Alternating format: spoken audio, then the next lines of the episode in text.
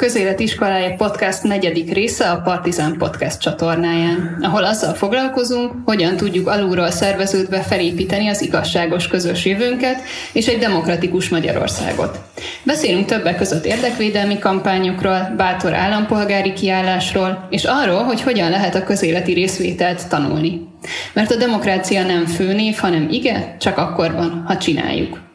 Mielőtt még belevágnánk a beszélgetésbe, a közélet iskolájáról annyit érdemes tudnatok, hogy ez egy aktivista iskola, ahol önszerveződésről tartunk ingyenes képzéseket felnőtteknek, hogy minél többeknek elérhető legyen az állampolgári kiálláshoz szükséges tudás, és ne kelljen mindig a nulláról indulnia az új szerveződéseknek. Nézzétek meg a közélet iskolája honlapját, vagy közösségi média oldalait, amit be lesznek linkelve, ha szeretnétek tanulni például a csoportszervezésről, az érdekvédelemről, vagy az aktivista jólétről. Most pedig kezdjünk bele. Én Seres Lili Hanna vagyok, mellettem pedig munka és műsorvezető társam Molnár Zóra. Sziasztok! A mai adásunk témája a hármas metró akadálymentesítésének kiküzdése, két meghívott vendégünk pedig Krusko Erika, az Önállóan Lakni Közösségben Élni Egyesület aktivistája. Sziasztok! És Csángó Dániel a Free társalapítója. Hello! Üdvözlünk titeket újra, hiszen az adás technikai érdekessége, hogy másodszorra vesszük fel. Az előző felvétel valamiért rajtunk kívülálló okokból elveszett, viszont nagyon fontosnak tartottunk, hogy erről a témáról, erről az akcióról, küzdelemről mindenképpen beszéljünk, úgyhogy ezért vesszük fel újra. De hogy miről is van szó, azt eh, Zóra most összefoglalja nekünk.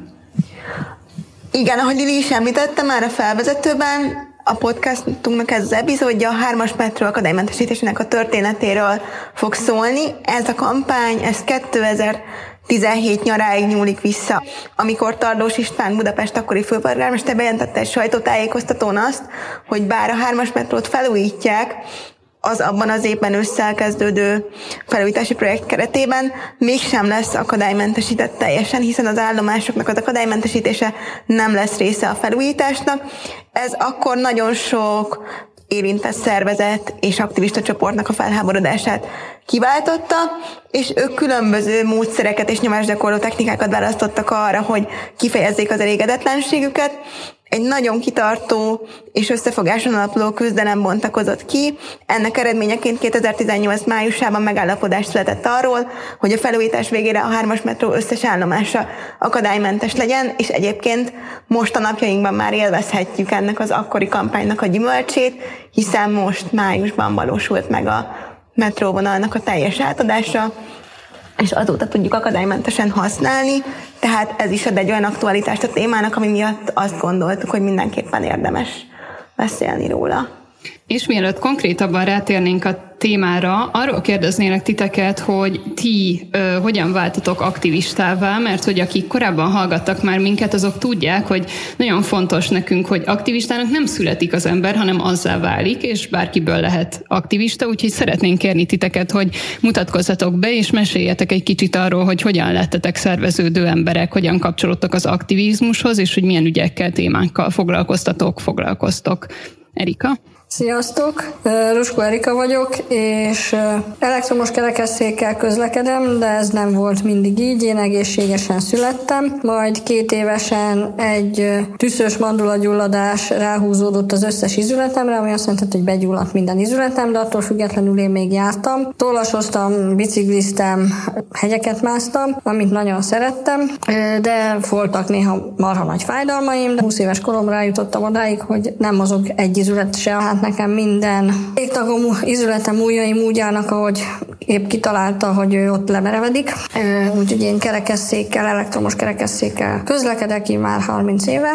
Miskolcon volt egy magánegyetem, ahova felvételt nyertem, csak akkor pont abban az időszakban volt, hogy marha nagyot romlott az állapotom, nem tudtam végigcsinálni az egyetemet, haza kellett jönni a szüleimhez, és, és akkor én otthon voltam 90 négytől a szüleimnél, és abban az időben nem nagyon volt még az egészséges embereknek sem munka, nem hogy a mozgássérülteknek, vagy másfajta fogyatékkal élőknek, és akkor fedeztem fel, hogy létezik ilyen, hogy mozgássérült egyesület.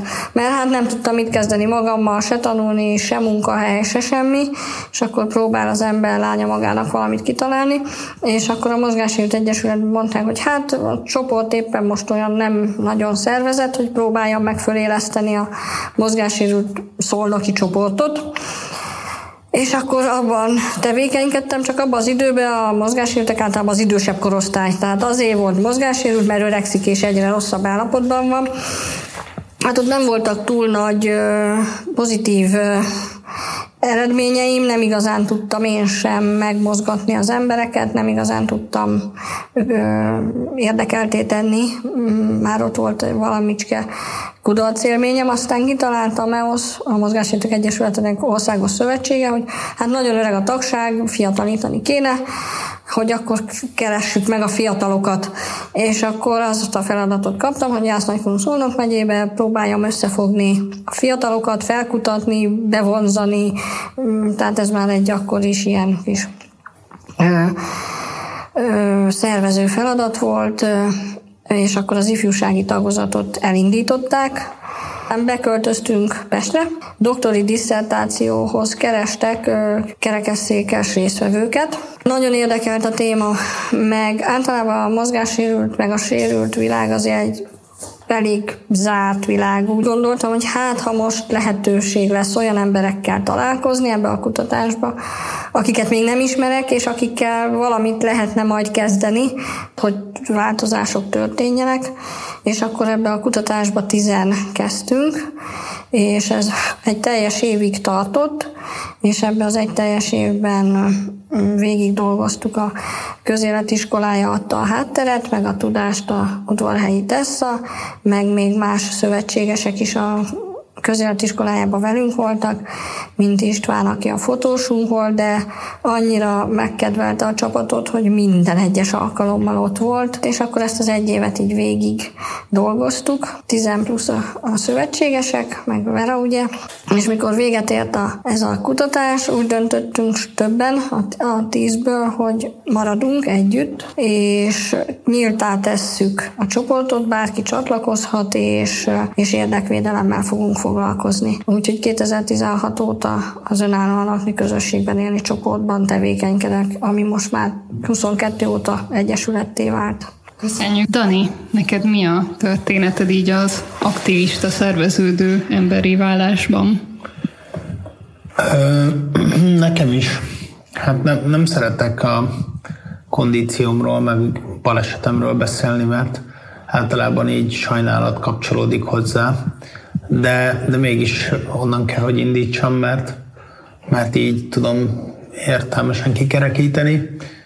Nekem 18 évvel ezelőtt volt egy autóbalesetem, és én ott olyan módon lesérültem, levérultam, hogy, hogy tök egyértelmű volt, hogy valamilyen mm, 24 órás segítség kell, hogy létrejöjjön ahhoz, hogy, hogy én így önrendelkező módon folytathassam az életemet és, és hát így a családom részéről mind az igény, mind, a, mind az anyagi lehetőségek megvoltak arra, hogy, hogy alkalmazzunk embereket, asszisztenseket azért, hogy így támogassanak a mindennapokba, és akkor az évek alatt ez kinőtte magát ez a rendszer odáig, hogy én ma már nem a szüleimmel lakom, először még még édesanyámhoz költöztem vissza a balesetem után, de, de hogy így ez sem volt egy túl op, optimális helyzet. És, és szóval igen, szóval külön költöztem, aztán ezzel együtt így a szociális életem is jobban beindult, és hát ez egy ilyen, nem is tudom, hogy vicces történetnek mondja, vagy inkább véletlenszerű történet. A Sziget Fesztiválra szerettem volna kijutni úgy, hogy lehetőleg ne kelljen két jegyet vennem egész hétre, mert, mert ugye nem egyedül megyek, hanem valaki kísér, és, és megkeres, megkerestem az ő piárosukat, aki, ahol dolgozott ráadásul egy, egy barátom, hogyha én csinálok nekik videókat arról, hogy kerekesszékkel hogyan boldogulok, és, és hogy így jól érzem magam, akkor akkor cserébe kapok jegyeket, és kaptam jegyeket, készítettem egy csomó felvételt, annak a nagy része az használhatatlan volt, de, de hogy volt annyi felelősségtudatom, hogy kértem egy ismerősömet, aki valamelyik kereskedelmi csatornánál dolgozott, hogy figyelj, gyertek már ki, Léci, adok jegyeket. Tudom, hogy ők ilyen közéleti műsort, hogy milyen búbánatot forgattak, és hogy jöjjenek ki, kapnak egy halom jegyet, ők is, és, és csináljunk már valami anyagot, és akkor lett egy ilyen jó fókuszos riport. Pont a minap visszanéztem valami kapcsán, borzasztóan kellemetlen látni magamat először nyilatkozni, de hogy ott keményen leültetett a södő barátom, és feltett nekem ilyen kellemetlen kérdéseket, hogy mi ez az egész, hogy érzem magam, hogy jutok ide, ki az ember mellettem, és, és ahogy ezt így kezdtem fejben összerakni, valahogy ezzel együtt jött a felismerés, hogy hát tök jó, hogy én itt vagyok, meg, meg egész jól érzem magam, de hogyha körbenézek, akkor egyetlen olyan embert se látok, aki, picit is hasonló cipőbe járna, mint én, vagy, vagy bárki, akinek így asszisztenciára lenne szüksége. Még ilyen betőintézetben nevelkedő, ott, ott, oda járó gyerekekkel futottam össze. De a lényeg, hogy, hogy távol közel nem volt olyan ember, aki így asszisztenssel lett volna ott, és és hát a saját életem sem volt akkoriban teljesen fenntartható, és aztán, ahogy ezt te is elmondtad így a felvezetőbe, beindította az aktivista karriert, mert a videót látták többen, akkor elhívtak különböző rendezvényekre, hogy ott így beszéljek már, nem tudom, ilyen-olyan témákról. Először ez ilyen tök alapnak tűnt, hogy persze megyek, de aztán mindig elgondolkoztam, hogy oké, okay, de mi a búbánatról fog beszélni. Szóval, hogy egy, egy dolog, hogyha kérdést kapsz arra, úgy nagyjából tudsz válaszolni, de ha de úgy össze kell raknod valamit, akkor az már tök más műfaj. És, és ezzel évekig küzdöttem, de aztán így elkezdtem mm, helyekre menni, főleg egyetemekre, és akkor ott így előadást tartani, ami tetszett, és, és így összeértek a szálak, mert a, az ELTE Bárci Gusztáv gyógypedagógiai karán indult akkoriban egy, egy új módszertan, participatív oktatási módszertan, ahol tapasztalati szakértőket hívtak meg, hogy fogyatékosság tudomány oktatásban társuljanak be, és akkor így az elsők közé oda kerültem egy, egy idősebb nő, Antal Zsuzsa által, aki nekem jó barátom volt, szegény már nincs köztünk, és, és Zsuzsával kezdtük el így nagyjából ezt az egész műfajt. Aztán, aztán ez kinőtte magát, mert, mert miközben a tapasztalatokat osztottam meg, így az elméletét is tanultam annak, amit amúgy oktattunk, fogyatékosságtudományt, és nekem így felnyitotta a szememet még jobban, hogy Amerikában a mozgalmak azok hogyan értek el sikereket, meg mekkora változást tudtak eredményezni. Egyrészt, másrészt pedig ott tudtam meg, hogy a személyi asszisztencia az nem csak egy olyan dolog, amit én így otthon összebarkácsoltam magamnak, hanem az egy olyan szolgáltatás, ami sok országban évtizedek óta működik, és, és eredményes, és csomó ember ilyen módon éli a hétköznapjait, és ettől a ponttól kezdve egyértelmű volt, hogy egyrészt ez lesz a, a fő cél, hogy ez itthon egy államilag finanszírozott szolgáltatássá nője ki magát, másrészt pedig, hogy, hogy igen, e köré kell szervezni embereket, meg, meg, meg, meg tevékenységet, meg mindenféle mást. És akkor hogy alakult így a, a Freaky Persze, hogy a lényeget nem mondtam el. Tehát a Fréki az, az, igen, az egyetemről nőtte ki magát, ha úgy vesszük. Sándor Anikó kolléganőmmel, aki, akivel így nagyon szorosba voltunk akkoriban. Ketten alapítottuk meg a, a Frékit, meghívtunk olyan barátokat, akik vagy érintetti oldalról voltak a témában érdekeltek, vagy kutatói, eh, oktatói oldalról, és, és így egy ilyen vegyes felvágott jött létre, 11 tag, 2019 óta létezünk, és megyünk tovább.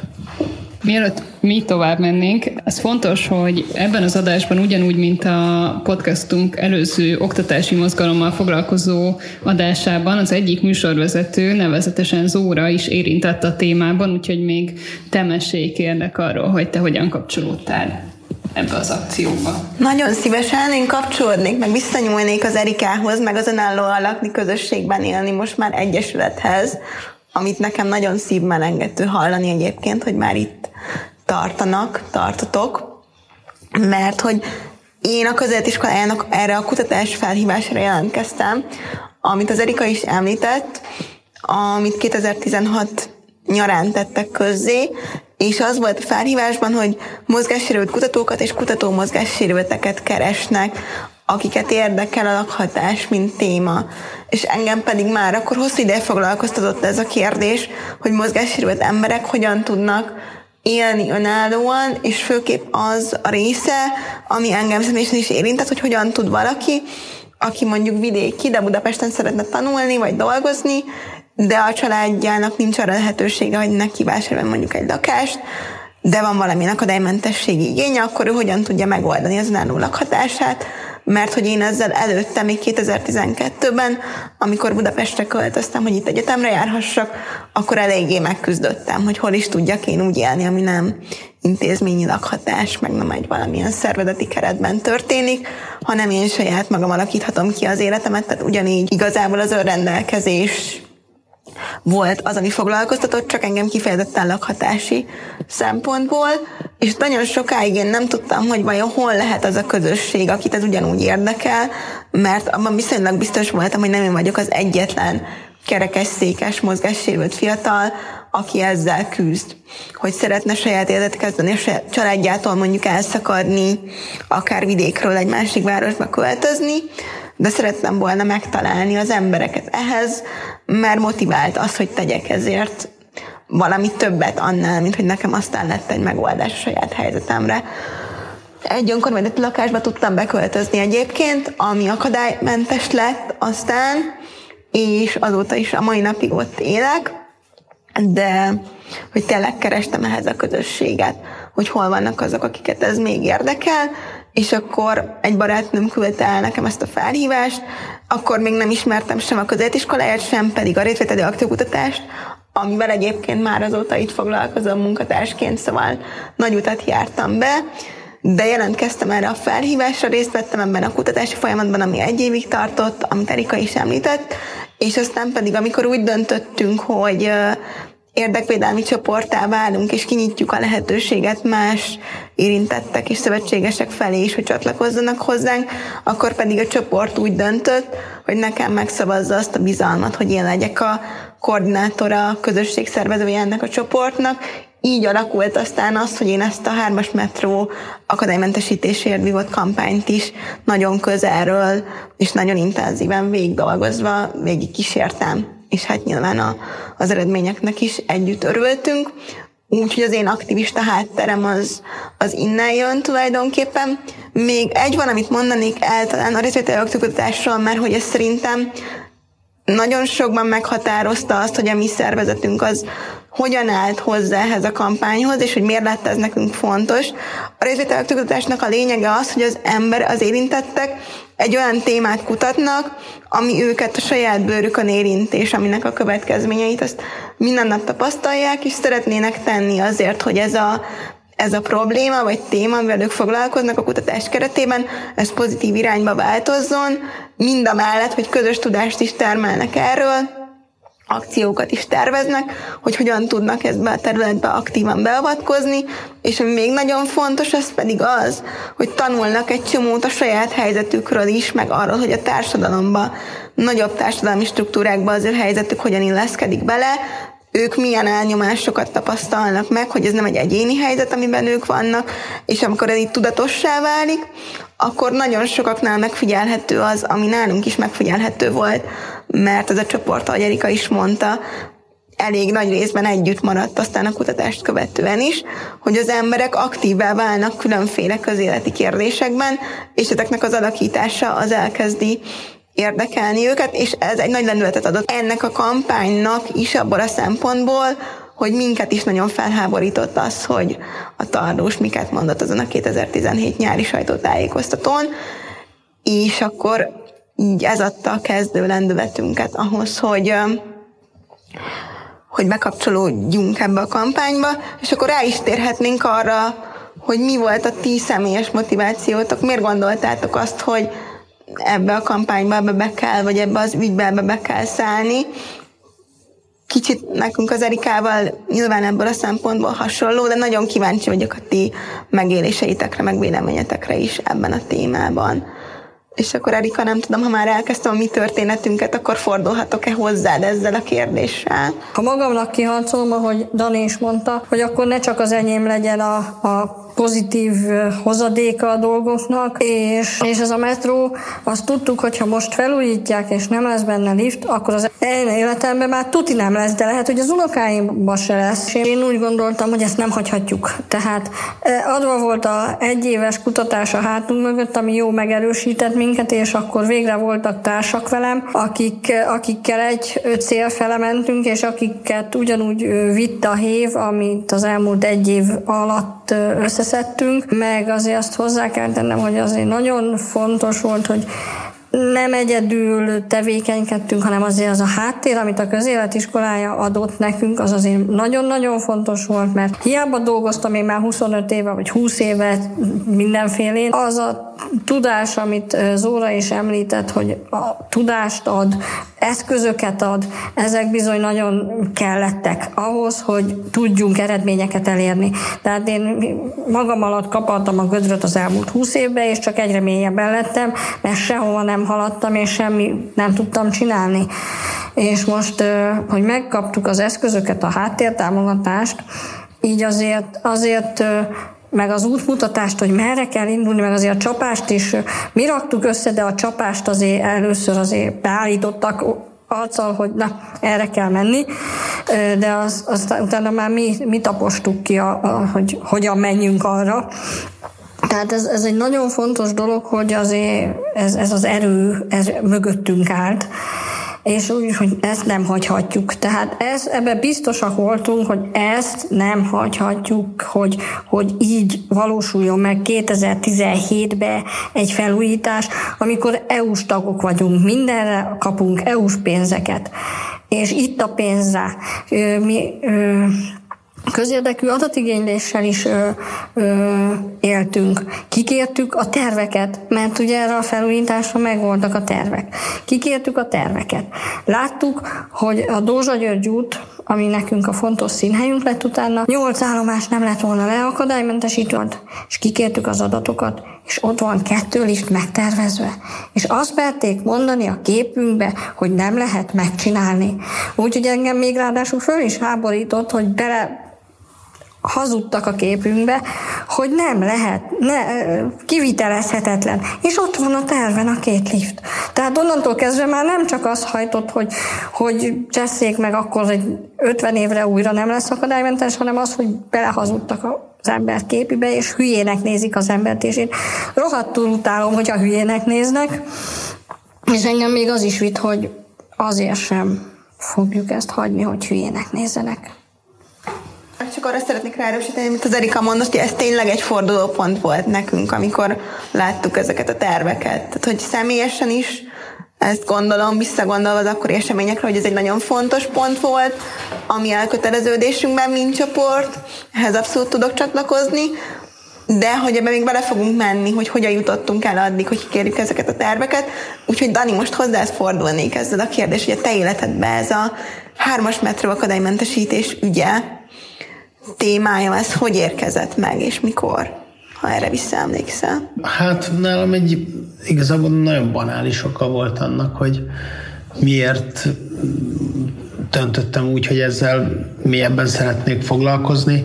Én, én akkoriban is folyamatosan használtam a metrót, és, és annak ellenére, hogy nem volt akadálymentes, leszenvedtem magamat nem egyszer mozgó lépcsőn, de hát persze úgy, hogy amit már korábban is mondtam, velem mindig van valaki, mindig van egy asszisztens velem. Nyilván tök veszélyes így lemenni, ahogy mi lejártunk, nem beszélve arról, hogy csúcsidőben megbénítjuk a közlekedést, egyetértve azzal, amit Erika mondott, én is úgy voltam vele, hogy egyszerűen vagy most verjük, a, amíg ízik a vas, és nem hagyjuk azt, hogy ne legyen akadálymentes, vagy, vagy ezt el kell felejteni, hogy Magyarországon, Budapesten akadálymentes metró lesz, mert ha most, hogy ilyen sok pénzt ölnek bele, és ekkora felújítást végeznek, nem teszik akadálymentes, akkor ja, valószínűleg az én életemben sem tudtam volna akadálymentesen használni. Ezen túl ott volt az, hogy választások voltak, ami még szerintem így tökre kiaknázható volt, hogy, hogy senki nem, tehát az akkor hatalmon lévő vezetők rohadtul nem akarták, hogy, hogy negatív kampány induljon el ellenük, vagy bármilyen olyan ügyel kapcsolatban, ami hozzájuk köthető. Erre is lehetett azt hiszem építeni. És ezen túl nekem már még egy ilyen személyes szállam az, hogy én akkoriban kicsit ilyen útkeresésben voltam, volt egy egyesület, amit előtte megalapítottam, de ott, ott az, a, az akkori társalapítóimmal nem igazán tudtunk hosszú távon együttműködni, én ezt ott hagytam, és fogalmam nem volt, mit akarok csinálni, de láttam azt, hogy van ez a helyzet, kapcsolatban voltam a Rehab Critical Messzel, előtte szerveztünk egy, egy rendezvényt le. Hát azt nem mondom, hogy együtt, én is besegítettem valamilyen szinten a szervezésbe, de aztán a Surányi Juditot, aki azóta is a vezetője a szervezetnek, megkerestem azzal az ötlettel, hogy figyelj, ezt így nem kéne hagyni, és, és lépjünk valamit, és, és a Judittal együtt összeraktunk egy, egy, egy demonstrációt. Köszi, még itt Zárójelben megjegyezném, mert már többször említettük Tarlós István nevét, és hogy ez, ez is egy ilyen, ő is egy ilyen gyújtópontja volt a, az ja, ellenállásnak. Tehát arról szerintem emlékezzünk meg, hogy a hatalom hogyan képes kommunikálni, és miket képes mondani, mert ez talán most sincs nagyon másképp. Tehát, hogy ő azt mondta a sajtótájékoztatójában, hogy a hármas metrót használó mozgássérültek száma csupán ezrelékben fejezhető ki, és ezért nem indokolt a teljes akadálymentesítés. Magyarul azért nem akadálymentesítés segítenek, mert nem használják a mozgássérültek. És ugye ebből lett aztán az ezrelékek lázadása, jól mondom, című akció. Jó, hogy ezt behoztad, mert amikor az elején a felvezetőbe szóba került az, hogy, hogy talán Zóra mondta, hogy bejelentették egy sajtótájékoztatón, hogy nem lesz akadálymentesítés, az, az, egy, az egy bántó dolog, meg, meg rossz, meg, meg mondhatnám azt is, hogy, hogy úgy felhúzza az embert, de, de ez a kimondott mondat, így, ebben a formájában, hogy, hogy az emberek nem használják, az, az, az nem bicskanyító, az, az egy atombomba volt. És, és lehet, hogyha ez nem hangzik így el, akkor az én, nem tudom, inger küszöbömet se üti át. Szerintem ez a mondat beleégett sok ember agyába, úgyhogy ez, ez a mondat, ez az, ez az ezrelék, ez, ez ott, ott van. Azért is beleégett, mert aztán fel is használtuk ezt a kampány során szimbólumként, meg szlogenként, illetve csak a hallgatók kedvéért mondanám el, hogy ez a sajtótájékoztató, amit én említettem, meg ez a mondat, amit a Lili most mondott, ez ugyanaz az eseményen történt a két dolog. Akkor hivatkozott így a Tarlós István erre, hogy miért nem szükséges az a teljes akadálymentesítés, mert hogy nem használják a mozgássérültek, vagy csak ezredékben kifejezhető számuk használja. Tehát ez a két kulcsfontosságú esemény, ez ugyanahoz a naphoz kötődik tulajdonképpen, amit szimbolikusan nagyon sokan a kampány indulásának, vagy az egyik ilyen gyújtópontjának, hogy te fogalmaztál is, tekintünk. Tehát, hogy tulajdonképpen időben ez 2017 nyara ameddig visszanyúlunk a kampányjal ténylegesen. Én pedig akkor most oda kanyarodnék mindezek után vissza, hogy egy picit már arról mondhatok, hogy a ti saját szervezeteitek, vagy azok, akikkel akkor együtt dolgoztatok, ti miket csináltatok a kampányban, erről lesz még lehetőség később, hogy ezt kifejtsük jobban, de most engem ami érdekel, hogy azért alapvetően itt nagyon sok különböző szereplő működött együtt, és egy kicsit arról szeretném, ha beszélnénk, hogy ki az, akiket ti fontosnak tartotok itt kiemelni a saját csoportotokon, szervezeteken túl, és hogy ők mivel járultak hozzá, milyen formában vettek részt a kampányban. És akkor Erika megint csak hozzád fordulok. A Mozgássérültek Budapesti Egyesülete az már folytatott különböző tárgyalásokat íróasztal mögött. És az első megmozdulásunk, ami a Dózsa György úton volt, az még október végéhez köthető, ha, jól emlékszem. És ott a Mozgássértek Budapesti Egyesületével voltunk, és a Lépjünk, hogy léphessenek egyesülettel volt egy közös megmozdulásunk, ott fölhívtuk a figyelmet arra, hogy milyen a kerekesszékkel közlekedni, kivittünk a aluljáróba, mert a Dózsa György úton az aluljáró szint rámpával megközelíthető. Kivittünk kerekesszékeket, és az utca embereit megpróbáltuk beleültetni, és hogy a bőrükön érezzék, hogy pedig az egy nem egy nagy lejtésű rámpa, hogy milyen a kerekesszékkel való közlekedés. Úgyhogy ez volt az első ilyen megmozdulásunk ezzel a két szervezettel. Majd jött a híres neves ezrelékek lázadása. Egy, egy hétre rátá, körülbelül szintén a Dózsa György úton.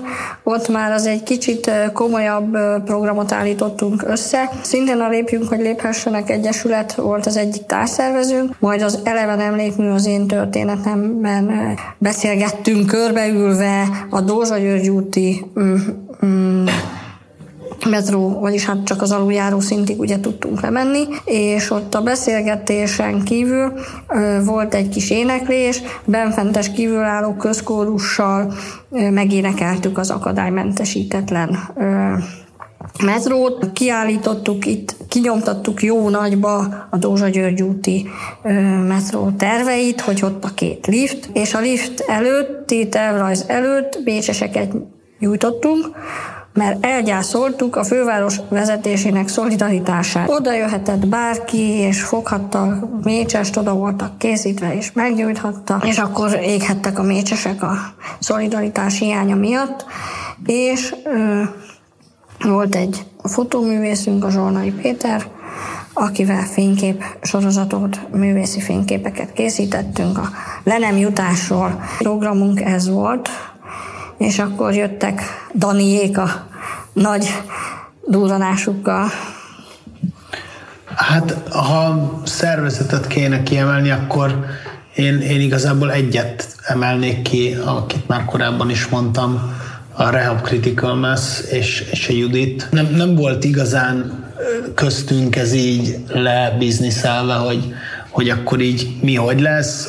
Évfélkor egymást hívogattuk még mikor ilyen napi 50 e-mailre válaszoltunk, hogy ki mibe van, meg mi az, ami még elintézendő ügy, ki mit tud vállalni, de hogy mi alapvetően az összefogásra próbáltunk hagyatkozni, meg arra a tényre, hogy ez nem csak mozgássérült embereket érint. Tehát a metro akadálymentesítés az most hagyjuk a többi típusú fogyatékosságot, mert itt lehetne látássérültektől kezdve egy, egy csomó mindenkit felsorolni más-más akadálymentesítési szempontok alapján, de, de hogy konkrétan ami a mozgássérültek számára fontos volt, hogy, hogy lifttel le lehessen jutni, az, az ugyanúgy fontos volt az idős emberek számára, akik nehezen mozognak,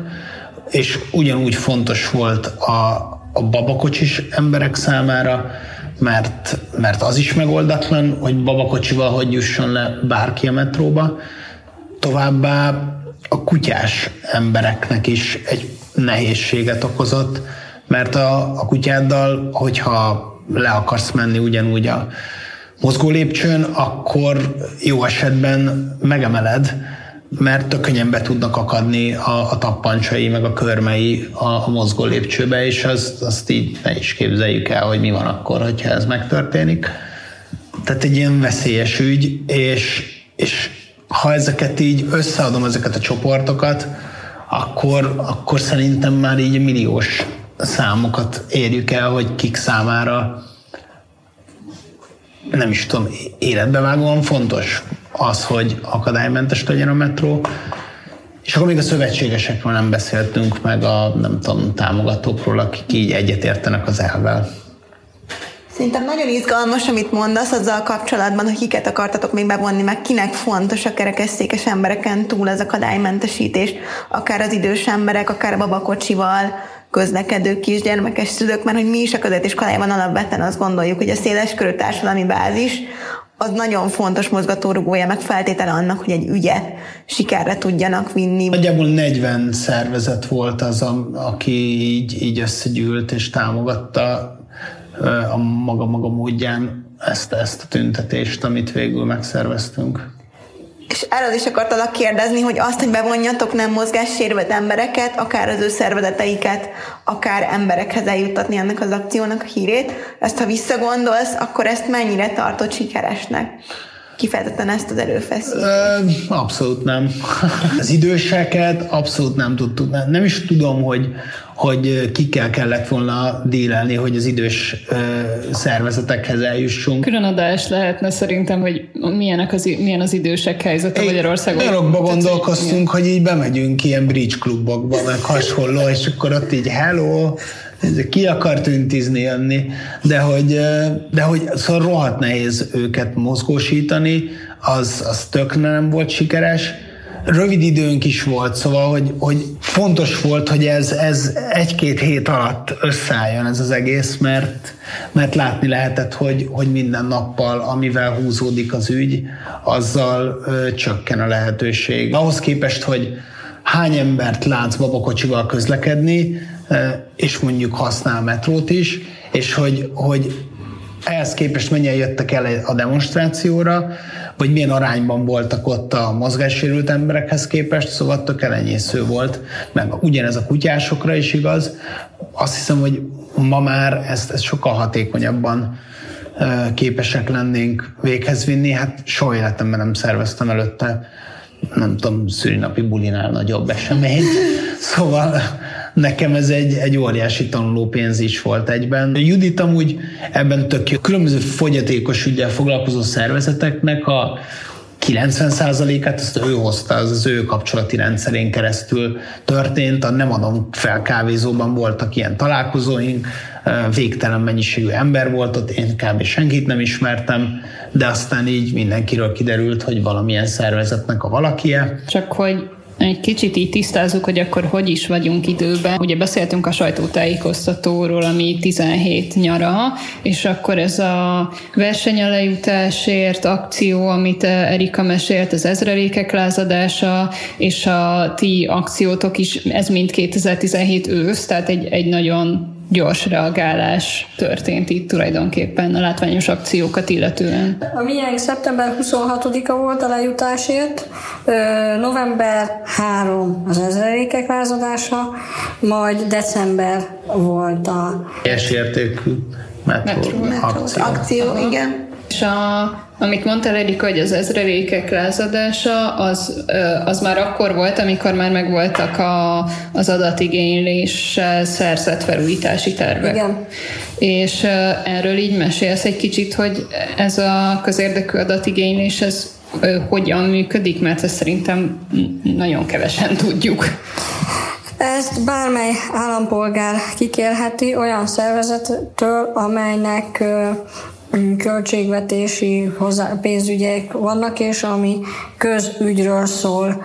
És mi azzal fordultunk gazgatósághoz, hogy szeretnénk kikérni a metró felújítási tervei, mert ez közérdekű adat, ehhez bárki hozzáférhet, ez nem titok. És akkor adatmennyiség volt, hogy CD-n tudtuk csak megkapni, és a 20 megállóból ugye 8 az nem volt akadálymentesítés, tehát azt a 20 megállót át kellett nézni, hogy, hogy mi, miket rajzoltak oda be műszaki rajzokon, és, és gyorsan kinyomtattuk, mikor láttuk a Dózsa György utat, de ez is ilyen utolsó másodperces, hogy ilyen nagy áper nem is túlásba kinyomtattuk, hogy, hogy ott a két lift pirossal szépen, ahogy megvolt, egy, ahogy egy műszaki rajznak kell lenni, azt úgy szépen kinyomtattuk. Az adatigénylő 30 nap alatt kapja meg a információkat, ez meghosszabbítható, hogyha olyan a mennyiségű adatot kér az ember. Kötelességük, mert közérdekű adatigényléssel élhet bármely magyar állampolgár.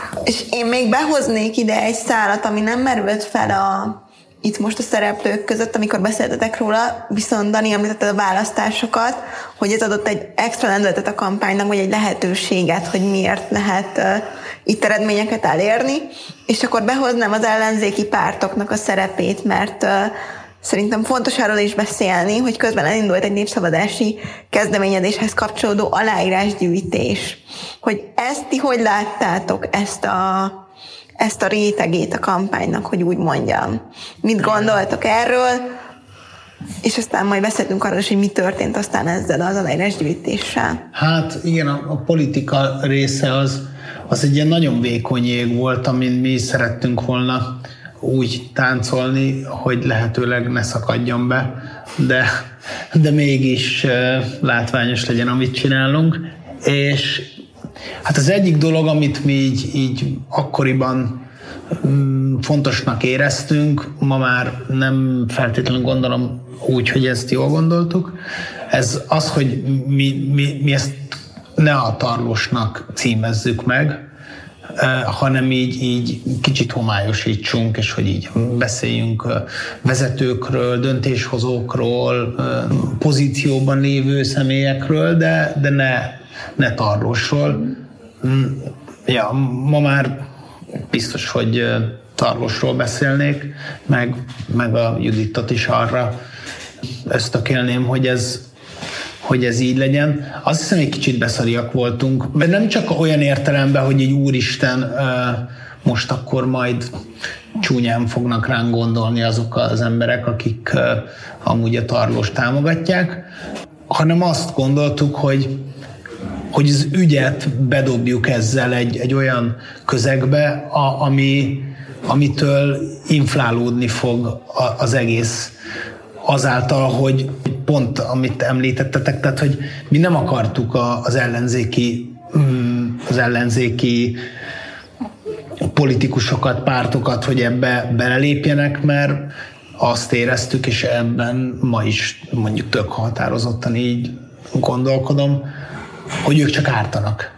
Tehát leszarják, és, és, és fel is dühítem magam, ha eszembe jut, hogy ott ellenzéki politikusok uh, Facebook live-oztak az eseményen, hogy ők milyen fontos helyen vannak, és, és kiállnak az ügy mellett. Azt se tudták, miről van szó, azt se tudták, tehát így, így nem, gusztustalan volt, és felháborító. Nem akartuk, hogy ebbe ők részt vegyenek, nem akartuk, hogy a témájukat tegyék, akartak egy ilyen nép, népsz, népszavazást. népszavazást ebben a kérdésben. Ez, ez, ez alapelv, ez, ez, nem, ez nem a nép kéne, hogy eldöntse, ezek emberi jogok, amiket sokkal magasabb szinten döntöttek már el.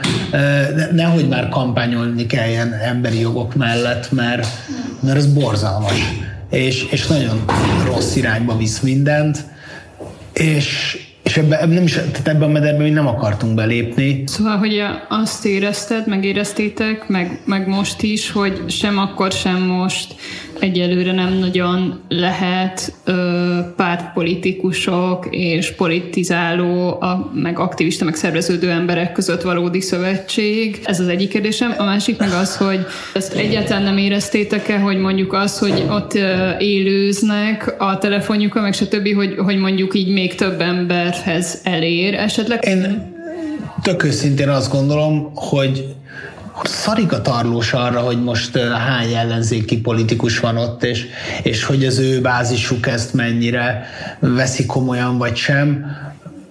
Jó, lehet ez naív gondolat, de, de hogy tudják, hogy ez egy, ez egy marginális réteget fog elérni, kevés emberről van szó, tehát nem számottevő. Ameddig arról beszélünk, hogy akadálymentesítés emberi jogok, addig egy kötelezettség. Arról beszélünk, hogy ellenzéki téma, amivel támadja a kormányt, na akkor már politika. És mi ezt akartuk elkerülni. Én mondjuk azt gondolnám, hogy az első opció is politika, csak nem az a pártpolitika, aktuál politika. Politika, minden politikai ezen a szinten, de nem mindegy, hogy kinek az arca van mögötte, uh-huh. és mi nem akartunk hiteltelen arcokat, mert bocs, de azt gondolom, hogy azóta sincs hiteles arca az ellenzéknek. Erika, te mit gondolsz?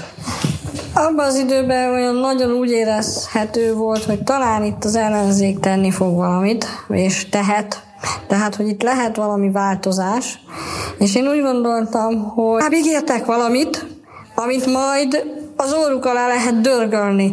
Úgyhogy én örültem, hogy jöttek és ígértek, mert a majdani jövőbeli reménysugár, hogy talán ők lesznek kormányon, vagy legalább Budapesten, hogy akkor lehet jönni és azt mondani, hogy oké, okay, itt mondtad, ebbe a percbe, ezen a másodpercben, ezen a helyszínen, oké, okay, te tetted, te mondtad, akkor most csináld meg. Tehát én, én lehetőséget láttam. Logikus, amit mondasz, ha rácsatlakozhatok, viszont van ebben egy spekuláció faktor, a számít az, ha. De mi van, ha nem így lesz, és nem így lett?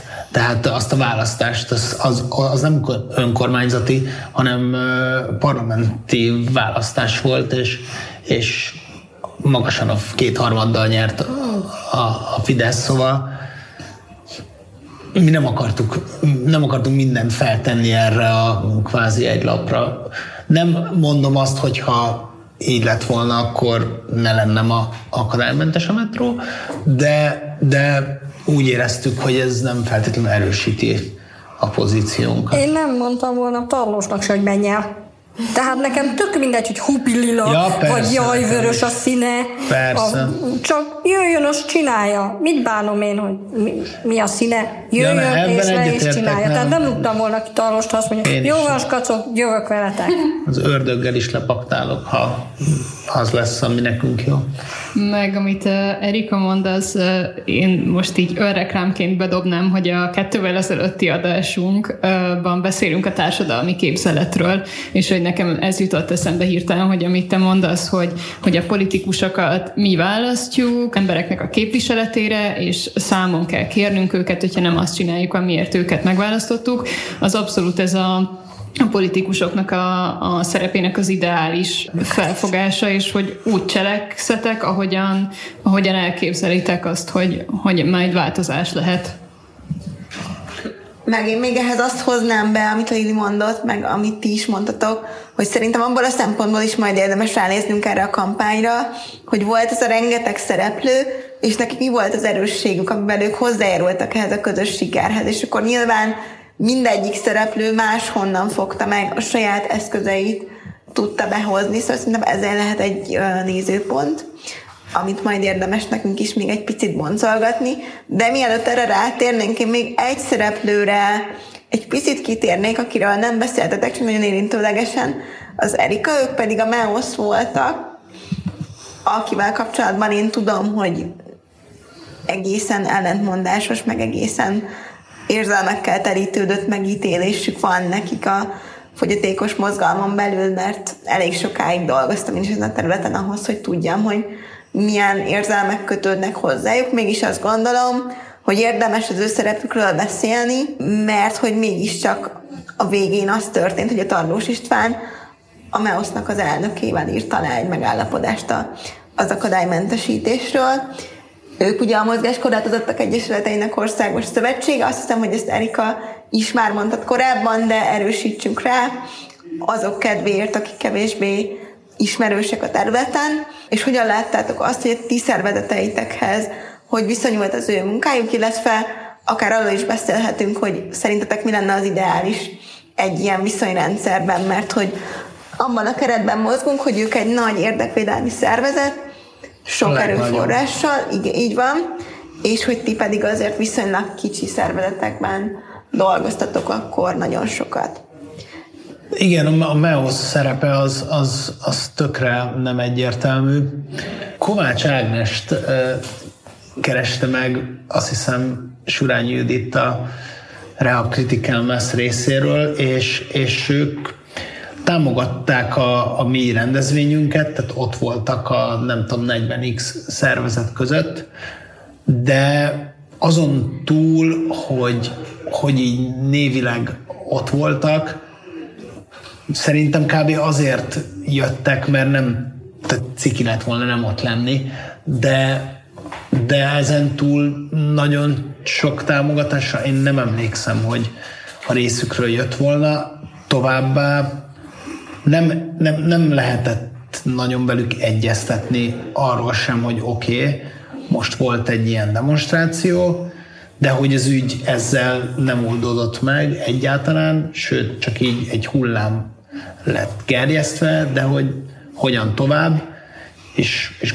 mi is gondoltuk, hogy itt a MEOS az egy kulcs szereplő lesz egy ponton, és aztán így óriási meglepetés volt, én is a sajtóból értesültem, hogy ők elkezdtek tárgyalni a fővárossal arról, hogy akkor hogy akkor hogy fog kinézni ez az akadálymentesítés.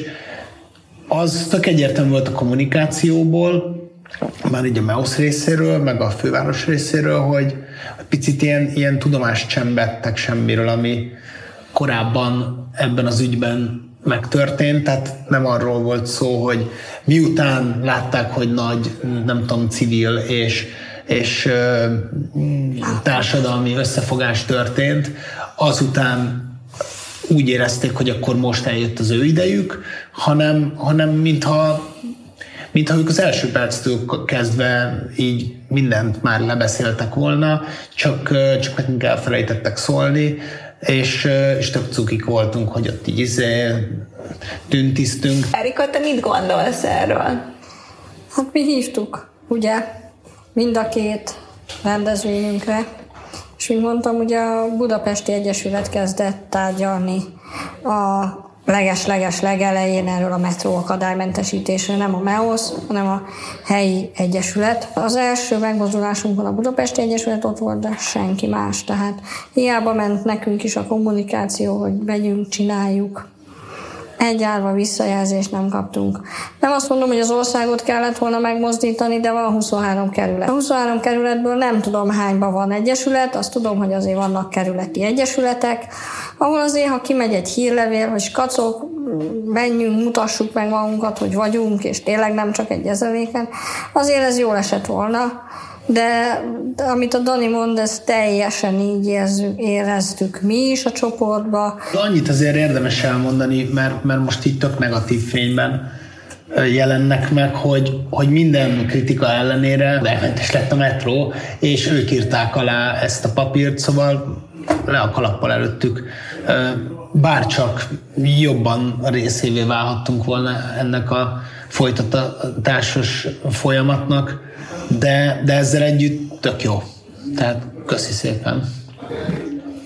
Aha, tehát, hogy uh, amit mondtok, amit kérdezett az óra, hogy mi, mi lehetne az ideális uh, működése, együttműködése egy nagy országos és az alulról szerveződő kis szervezeteknek, az uh, tényleg valami olyasmi lehetne, hogy hát egyrészt a fő a kommunikáció, amit Erika említett, másrészt meg amit te mondtál, Dani, hogy tulajdonképpen ki kellene, hogy egészítsék egymást, nem? Tehát, hogy, hogy azért oké, okay, hogy le a kalappal, de hogy mégiscsak ti csináltatok látványos akciókat, kikértétek a terveket, stb. És aztán ők azok, akik mondjuk egy nagy szereplő a történetben, aki, aki aláírja. Tehát, hogy mindenkinek megvan a saját fejezete, nem? Uh-huh.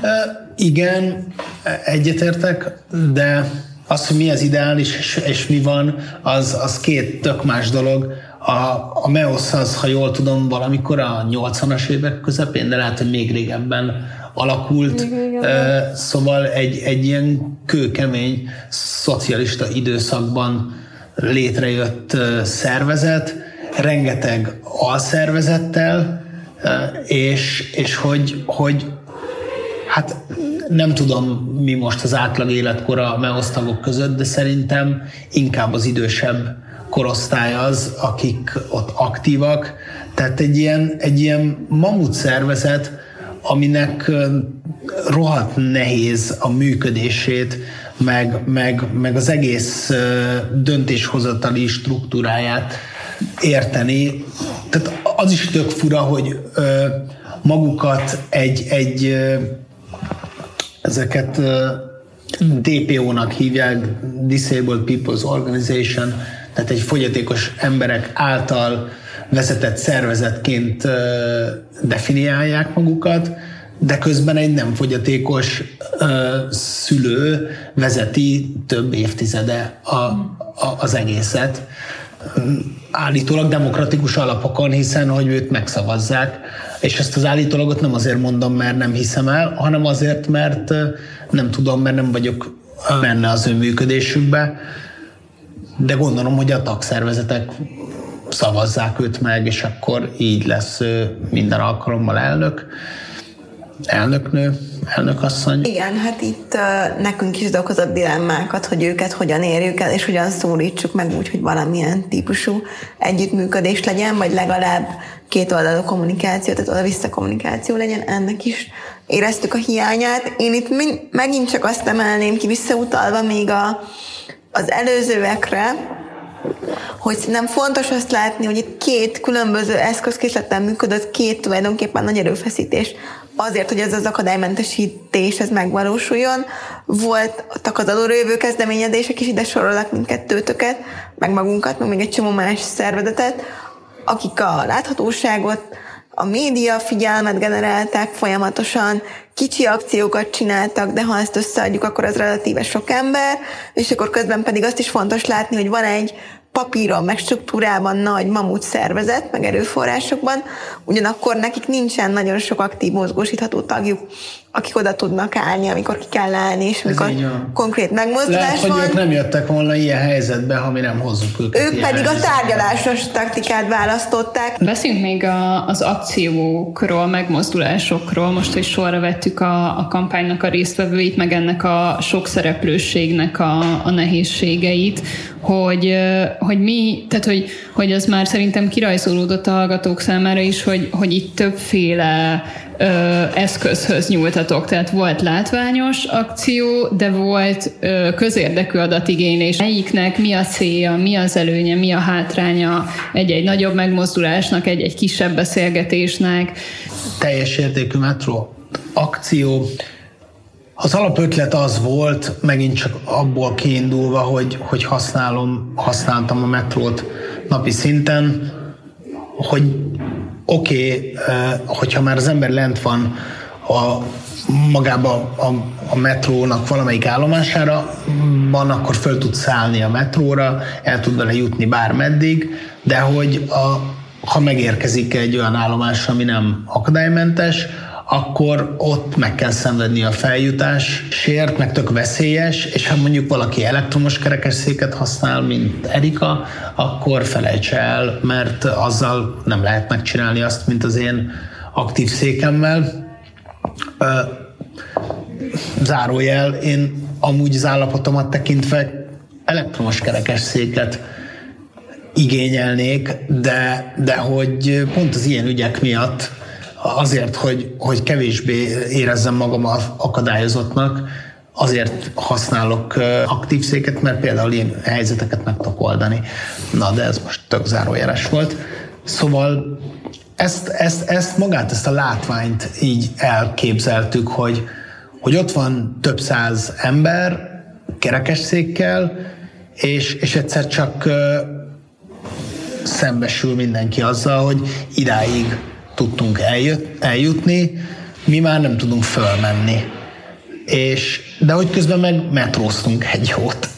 És, és, és e, ebben éreztük azt, hogy ez így a sajtó számára is egy, egy annyira erős üzenet tud lenni, ami, amihez tök egyszerűen tudnak az emberek csatlakozni, tehát hogy így nem kell, nem kell mert minél egyszerűbb az üzenet, meg minél magától értetődőbb és meghökkentőbb a, a látvány, most ezt így nem feltétlenül rossz értelembe kell venni, a, annál hatékonyabb, és, és erre mentünk rá, tehát hogy tudtuk, hogy van egy akadálymentes megálló a, a kökinél, ahol mindenki föl fog tudni szállni, onnan indult maga a menet, rengeteg önkéntesünk volt, aki ezt az egészet koordinálta, a hatóságokkal egyeztettünk, szóval ez így, így nagyon meg volt szervezve. Akkor ott felszálltunk a metrónál, és akkor így egy forgalmas megállóba a Ferenciek terére elmentünk, mm, ott értelmszerűen nem tudtunk fölmenni, viszont lehetett tartani egy sajtótájékoztatót, meg létre lehetett hozni még egy ilyen plusz elemet, ami, ami esetünkben a, a vágyak falaként jelent meg. Ez egy, ez egy üzenőfal volt, ahova mindenki, aki eljött a, a tüntetésre, az, az ott tudta hagyni a, a nyomát annak, hogy ő miért szeretné használni az akadálymentes metrót, vagy miért tartja fontosnak, hogy akadálymentes legyen, és, és így több száz uh, ilyen üzenet. Tényleg mi lett azokkal az üzenetekkel? Hát azt szerintem még, még a Judit valahova így, így elrakta. Ez is tök fontos része volt, hogy, hogy, hogy ne csak egy, tudod, egy egyszeri akt, tehát hogy egy egyszeri látványosság legyen, ami, ami 10 perc múlva már nincs ott, mert bontjuk a helyszínt, hanem ott marad napokig, és, és az emberek, akik ott járnak, kelnek, napközben így szembesülnek ezzel, és fura, hogy ott van egy fal tele színes papírokkal, különböző üzenetekkel, oda mész, elolvasod, és elgondolkodsz rajta, hogy ú, basszus, tényleg. A Józsi szomszédom kerekes székes lehet, hogy itt lehetne ő is, hogyha nem tudom, nem lenne ez a helyzet, szóval volt egy ilyen célja is ennek az egésznek. Meg jól gondolom, hogy ennél is, amit mondtál, hogy akkor sokan összegyűlni, metrózni, leírni a vágyakat, és az Erika akcióiban is, amiket Erika említett, ott a közös, ez a kicsit ilyen fekete humorú szolidaritást elgyászoljuk, és behívunk nem kerekesszékes embereket, hogy próbálják is a többi, tehát hogy nem, ezek nem csak a, a külvilág számára, nem, ez közösségi hanem igen, közösségi építés. Adott. Uh-huh. Igen, sőt, most, hogy így mondod, a, a Nem adom fel ö, alapítvány, azt hiszem a zenekarával is jött, tehát ők ott így ütötték, verték a hangszereket, és, és, és le, tök vicces volt, egy kicsit ilyen fesztivál hangulat volt, szóval majd, hogy nem azt mondom, hogy forralt bort is kellett volna ott adni, meg nem tudom, hasonlókat, még az se kizárt, hogy volt valami ilyesmi, de nagyon rég volt, nem emlékszem. Így, így próbáltuk ezt egy, egy ilyen külső-belső dologként e- egyformán megfogni, és egyrészt igen a külvilágnak üzenni, de hogy közben meg, meg azt nagyon fontosnak tartottuk már csak abból a szempontból is, hogy az emberek eljöjjenek. Tehát Erika is beszélt erről, nem tudom, hogy most vagy a múltkor, hogy, hogy így olyan nehéz mozgósítani a, a, a fogyatékos közösséget, fogyatékos emberekből álló közösséget, hogy, hogy így ez rizikós volt. Tehát, tehát így mi is egy kicsit daráztunk, hogy oké, okay, de mégis mennyien leszünk, és itt például az, hogy, hogy több szervezet fogott össze, annak óriási jelentősége volt, mert itt, itt nem csak az volt, hogy tettünk egy ilyen felszólítást, hogy emberek gyertek, hanem szervezetenként megkérdeztük, hogy te kiket hozol, hány embert, hogy tőletek mennyien jönnek, és akkor így nagyjából össze lehetett adni egy papírra, hogy hát jó, 150-en biztos leszünk. Az már azért elég látványos így a sajtó számára, meg nekünk is ad egy ilyen élményt, hogy igenis vagyunk, és, és tudunk ügyek mellett együtt kiállni. Többször mondod ezt a média figyelmet, meg hogy látványos, meg azt, hogy sok kerekes székes ember összegyűlik, az nagyon fontos, és ezzel kapcsolatban az érdekelne engem, hogy mivel látjátok, mind a kettőtökhöz szól a kérdés, hogy mivel látjátok annak az erejét, hogy sok kerekes székes ember összegyűlik egy térben. Szerintem itt most még az kifejezetten fontos is, hogy olyan térben, ahova egyébként nem juthatnak el, miért gondoljuk azt, hogy ez sokkal erősebb, mintha összegyűlik egy tüntetésre mondjuk 150 ember, amire nem mondjuk hogy egy nagy tüntetés. Viszont ha 150 ember úgy összegyűlik, hogy annak a mondjuk harmada, kétharmada kerekesszékes, vagy valamilyen módon mozgássérült, arra azt mondjuk, hogy ez egy nagyon erőteljes megmozdulás. De hát, jogosan mondjuk ezt, de hogy ezt egy picit boncolgassuk, szerintem egy érdekes dolog. Rövid leszek. Egyrészt, amit az előbb mondtam, hogy nehezen mozgósítható rétegről beszélünk, másrészt pedig és kicsit ebből is fakad. Most ez az amerikai mozgalmakhoz vezethető vissza, Tehát az ottani nagy eredményeket sem az a több millió vagy 10 millió mozgássérült, vagy különböző fogyatékos ember ért el, tehát nem 10 milliók vonultak ki, hanem, hanem 10-15 ember megbénította a forgalmat Manhattanben, vagy 150 ember oda ment a kongresszus elé, és négy kézláb felkúztak a lépcsőkön, meg hasonló akciókat csináltak. Tehát, hogy ezek szerintem így a, a, a, fogyatékos ügyön belül az érdekképviselet az egy ilyen tök érdekes dolog, mert mi is, a, ha így saját szervezetünket nézem, akkor tényleg aktívan most négyen vagyunk benne, de, de egy olyan ügyet viszünk, ami több ezer, tízezer ember nek az életét tudná gyökeresen megváltoztatni. Köszi. Erika, te mit gondolsz erről?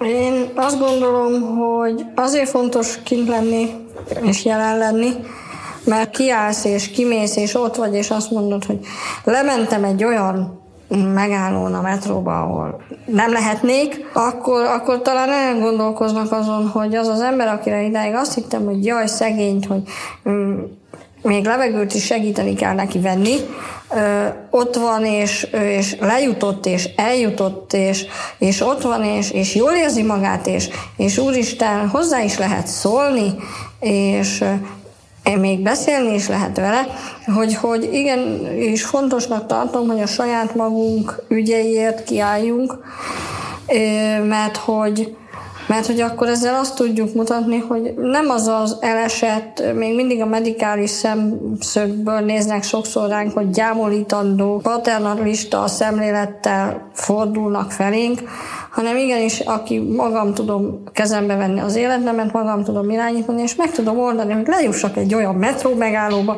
ahova nem juthatnék le egyébként. Vagyunk, és lennénk, hogyha ha lehetővé tennék, hogy legyünk az utcákon, meg mindenhol. A, a számokat egy picit emögé raknám, amit most Erika mondott, mert egyrészt van hivatalos adat arról, hogy hány fogyatékos ember él Magyarországon, de szerintem az pont a kukába dobható, mert rengetegen vannak, akik magukat nem sorolják ebbe a kategóriába, különböző okokból kifolyólag, de ez egy általánosan elismert szám, hogy a, a, a nyugati országokban nagyjából a társadalom 10-15 százaléka között van a, a, a fogyatékossággal élő emberek aránya, tehát ez itthon akkori abstart nagyjából egy millió emberről beszélünk, ami, ami óriási réteg, de hogy igen, láthatatlanok vagyunk. Ha viszont láthatóvá válunk, akkor meg nagyon erős a, a látványunk. Abszolút, és még azt tenném ehhez hozzá, hogy milyen helyzetben válunk láthatóvá. Tehát, hogy olyan helyzetben, ahol te kiszolgáltatott vagy, vagy ja, olyan ja, helyzetben, ahol meg tudsz olyan dolgokat is csinálni, amit az Erika mondott, amit Sőt, nem gondolt. ezen szerintem egyel még túlléptünk, mert hogy ez már a polgári engedetlenség kategóriája felé tendál, sőt, voltak ilyen elképzelések is, hogy oké, okay, ha ez az ügy, ez, ez így nem lesz ennyivel megnyerhető, akkor majd nem tudom én lenne alszunk a metróba, és akkor milyen lesz az, amikor majd, mint Amerikában, így rendőrök húzzák a kerekes székes embereket föl a nem tudom én mozgó lépcsőn, vagy hol a faszba. De hogy, de hogy ez így, ja, igen, mint, mint az egyetemfoglalás, ugye metrófoglalás, és, és emlegettél ilyen amerikai példákat, hogy például ez, ez elképesztő látvány lehetett, hogy a kongresszus lépcsőin másznak fel az emberek, hogy ezek így tudatosan is mondjuk előképként szolgáltak nálad, vagy nálatok? A, a, hát igen, abszolút. Tehát, hogy érdemes figyelni azt, hogy a világban mik történnek, és Persze, és igaz, nekem így a fogyatékosság tudomány mm, kapcsán a, a mozgalmak története volt a, a legizgalmasabb, hogy egy olyan réteg, aki, akit nem látsz, nem tudsz, hogy létezik, mindenki azt gondolja, hogy gyenge, magáról sem képes gondoskodni, ahogy Erika is mondta, és, és hogy olyan erővel valamibe beleállni, ahol, ahol az emberek utána pislognak, hogy úristen, ezt így nem gondoltuk volna, hogy nálatok van ekkora eltökéltség, és sokszor az eltökéltség, tehát most a saját példámat mondom, de ez biztos sokan érteni fogják, hogy nekem a, nekem a testi gyengeségem hozta meg a, a belső erőmet, és, és oké, okay, én, én nem, tehát hogy picit más a helyzetem, mert én balesetből adódóan lettem fogyatékos ember, nem vele született módon, de mégis, mégis a, sokkal jobban feldühít az, hogyha ebben a helyzetben diszkriminálnak, mint amikor nem tudom, korábban csak lezsidóztak. Azt úgy, azt úgy jobban kezeltem. A mi csoportunk előtt is itt voltak ezek a buszhoz oda magam jelenetek. Mi is gondolkoztunk benne, de mi is erősnek véltük, tehát ezért lett a, az agyszárnyakat vagy liftet, meg az ezrelékek lázadása helyette, mert mi azon filóztunk, hogy mikor az utolsó nap, amikor jár a metró, nem engedjük, hogy lehúzzák a, a redőnyöket, mert hogy a redőnyökhöz akartuk magunkat így oda láncolni, de azt azért elég erősnek éreztük, mm, bátorságban is, meg november is volt, és hideg is volt, meg akkor ugye nem lehetett kijutni, szóval, hogy éjszaka kettőkor, háromkor, ötkor nem tud az kerekesszékes ember túl könnyedén közlekedni, úgyhogy elvetettük ezt a fajta drasztikus vonalat, nem éreztük se magunkat, se a társadalmat arra még életnek, hogy, hogy ezt mi elkövessük. Szerintem abban, amit mondtatok, meg amik, amiket korábban is említettetek, kijön az, hogy így első akciókat csinálni amatőrként, tapasztalatlanként is tökre érdemes, meg jó, meg lehet sikeres, viszont azért tényleg itt vannak szervezési, kommunikációs döntéshozókkal, stratégikusan kommunikáló eszközökhöz kapcsolódó tudása és sajátítása, tehát hogy egy csomó dolog van, amit, ami, amiben lehet fejlődni, meg, meg lehet tanulni, úgyhogy ez szintén egy olyan reklámnak gondoltam, hogy itt megjegyzem, hogy a közéletiskolája pont ilyeneket tanít az ingyenes programjain. Én meg még akkor ezt hozzátenném, ha már reklám van, hogy a programjaink azok akadálymentes helyszínen vannak. Remélem, hogy a fogyatékos mozgalom tagjai közül is lesznek ennek a podcastnak a közönségében, és őket is várjuk szeretettel a programokra, mert hogy abszolút fontosnak tartjuk, hogy mindenkinek ez a tudás hozzáférhető legyen. Én szerintem egy viszonylag összetettebb kérdést tennék fel így zárásként. Azt kérdezném tőletek, hogy nektek mi volt ennek a kampánynak a fő tanulsága, és akár ebből inspirálva mit javasolnátok azoknak, akik mondjuk most tartoznak valamilyen szerveződéshez, akár terveznek egy kampány, vagy akár már benne is vannak. A lépéseket nagyon át kell gondolni. Mi fele haladunk, kik, kikkel haladunk, mit akarunk tenni, tehát ezt föl kell építeni. Azt per kb. látni kell, hogy, hogy hogyan lehet például területfoglalás, től kell területet kikérni, hogy kell területet kikérni. Én azt mondom, hogy egy ilyen stratégia megtervezése az egy fontos dolog. Tanulságok. Még így is, hogy a fura kutyamacska viszonyban voltunk itt a rehab kritikál és az önálló alakni, mm, azért ott voltunk egymás mellett, vált, vált vetve harcoltunk, és tettük a dolgunkat, attól függetlenül nem voltunk egymás nyakába boruló puszipajtások abban az időben. Nagyon jellemző a fogyatékos mozgalomra, hogy töredezett. Iszonyat töredezett. Egyetértek Erikám, ez mindenki mindenkire fúj, és senki nem akar senkivel együttműködni, de közben meg lehet összefogni, és bizonyos ügyek mellé együtt be tudunk állni, az, az szerintem az nagyon fontos. Ha ez nem lett volna, mi biztos, hogy nem tudunk olyan volumenű tüntetést csinálni, mint amilyen lett, és az összefogás volt a pulcsa. Egyetértek, tehát a hálózatosodás, az egymás ügyeinek segítése, ez, ez nagyon fontos, mert nem csak egy-egy izolált csoport érdeke egy-egy dolog, és meg kell mozgatni azokat a csoportokat, akiknek akármilyen kicsi pozitív nyeresége is lehet az ügyből. Nagyon jó szerintem, hogy ezt hozzátok be egy a beszélgetés vége felé közeledve. Én egy saját tanulságot is megfogalmaznék, mint egy olyan aktivista, aki szintén ugye nagyon közel hozzátok is, meg nagyon közel magához a magához a kampányhoz is, meg ennek a lüktetéséhez is végig dolgoztam ezt az időszakot, és én is azt emelném ki, amit ti mondtatok a szövetségépítésnek a fontosságát, meg az összefogást, illetve azt, hogy tényleg fontos látni azt, hogy kinek nem csak mi az érdeke, hanem mi az, amit az érdeke mentén erősségként be tud hozni ebbe a küzdelembe, amit egy közös célért vívunk, és mindenkivel annak fényében együttműködni, hogy még akkor is, ha nehéz, meg nem mindenben értünk egyet, meg nem úgy látjuk a világot adott esetben, ahogy ő látja, akkor is meglátni azt, hogy de mi az, amivel erősíteni tudja a mi kampányunkat, és akkor itt utalnék megint csak a MEOS és a kisebb szervezetek együttműködésére, hogy én azt gondolom tényleg, hogy azt nagyon fontos látni,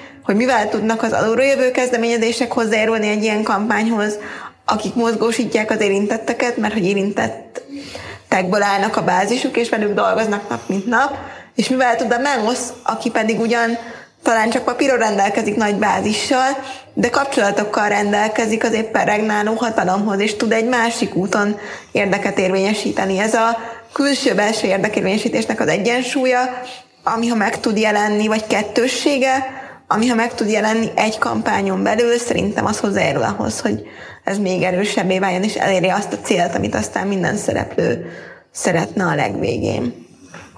Még, még két dolog jut eszembe. Az egyik az, hogy nem félni a hatalomtól, már, már az egy tök relatív kérdés, hogy kinél van a hatalom, meg mi a hatalom, és, és nincs olyan rendszer, amit ne lehetne megváltoztatni vagy bármi, ami, ami át, ne lenne átalakítható.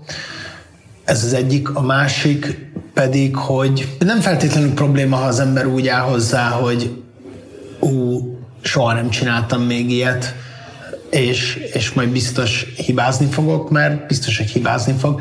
Nyugodtan bele lehet állni úgy is egy ilyen ügybe, hogy sose csinált az ember ilyet, ne ijessze meg az, hogy, hogy ez új terület, bérázni fog, de abból aztán tanul, és ha, ha így szeretne tovább haladni, akkor, akkor annál többet biztos nem fog tanulni sehol, mint ha a saját híváiból tanulna. A hármas metró teljes körű akadálymentesítésének a kiküzdéséről beszélgettünk Csángó Dániellel és Ruskó Erikával. Nagyon-nagyon köszönjük, hogy újra itt voltatok velünk, és a hallgatóinknak pedig köszönjük a figyelmet, és ismételten ajánlom, hogy gyertek el ingyenes programjainkra, és a linkeket a leírásban megtaláljátok, és hallgassátok a Partizán Podcast adásait és a Közéletiskolája Podcastot legközelebb is. Sziasztok! Sziasztok! Sziasztok! Sziasztok.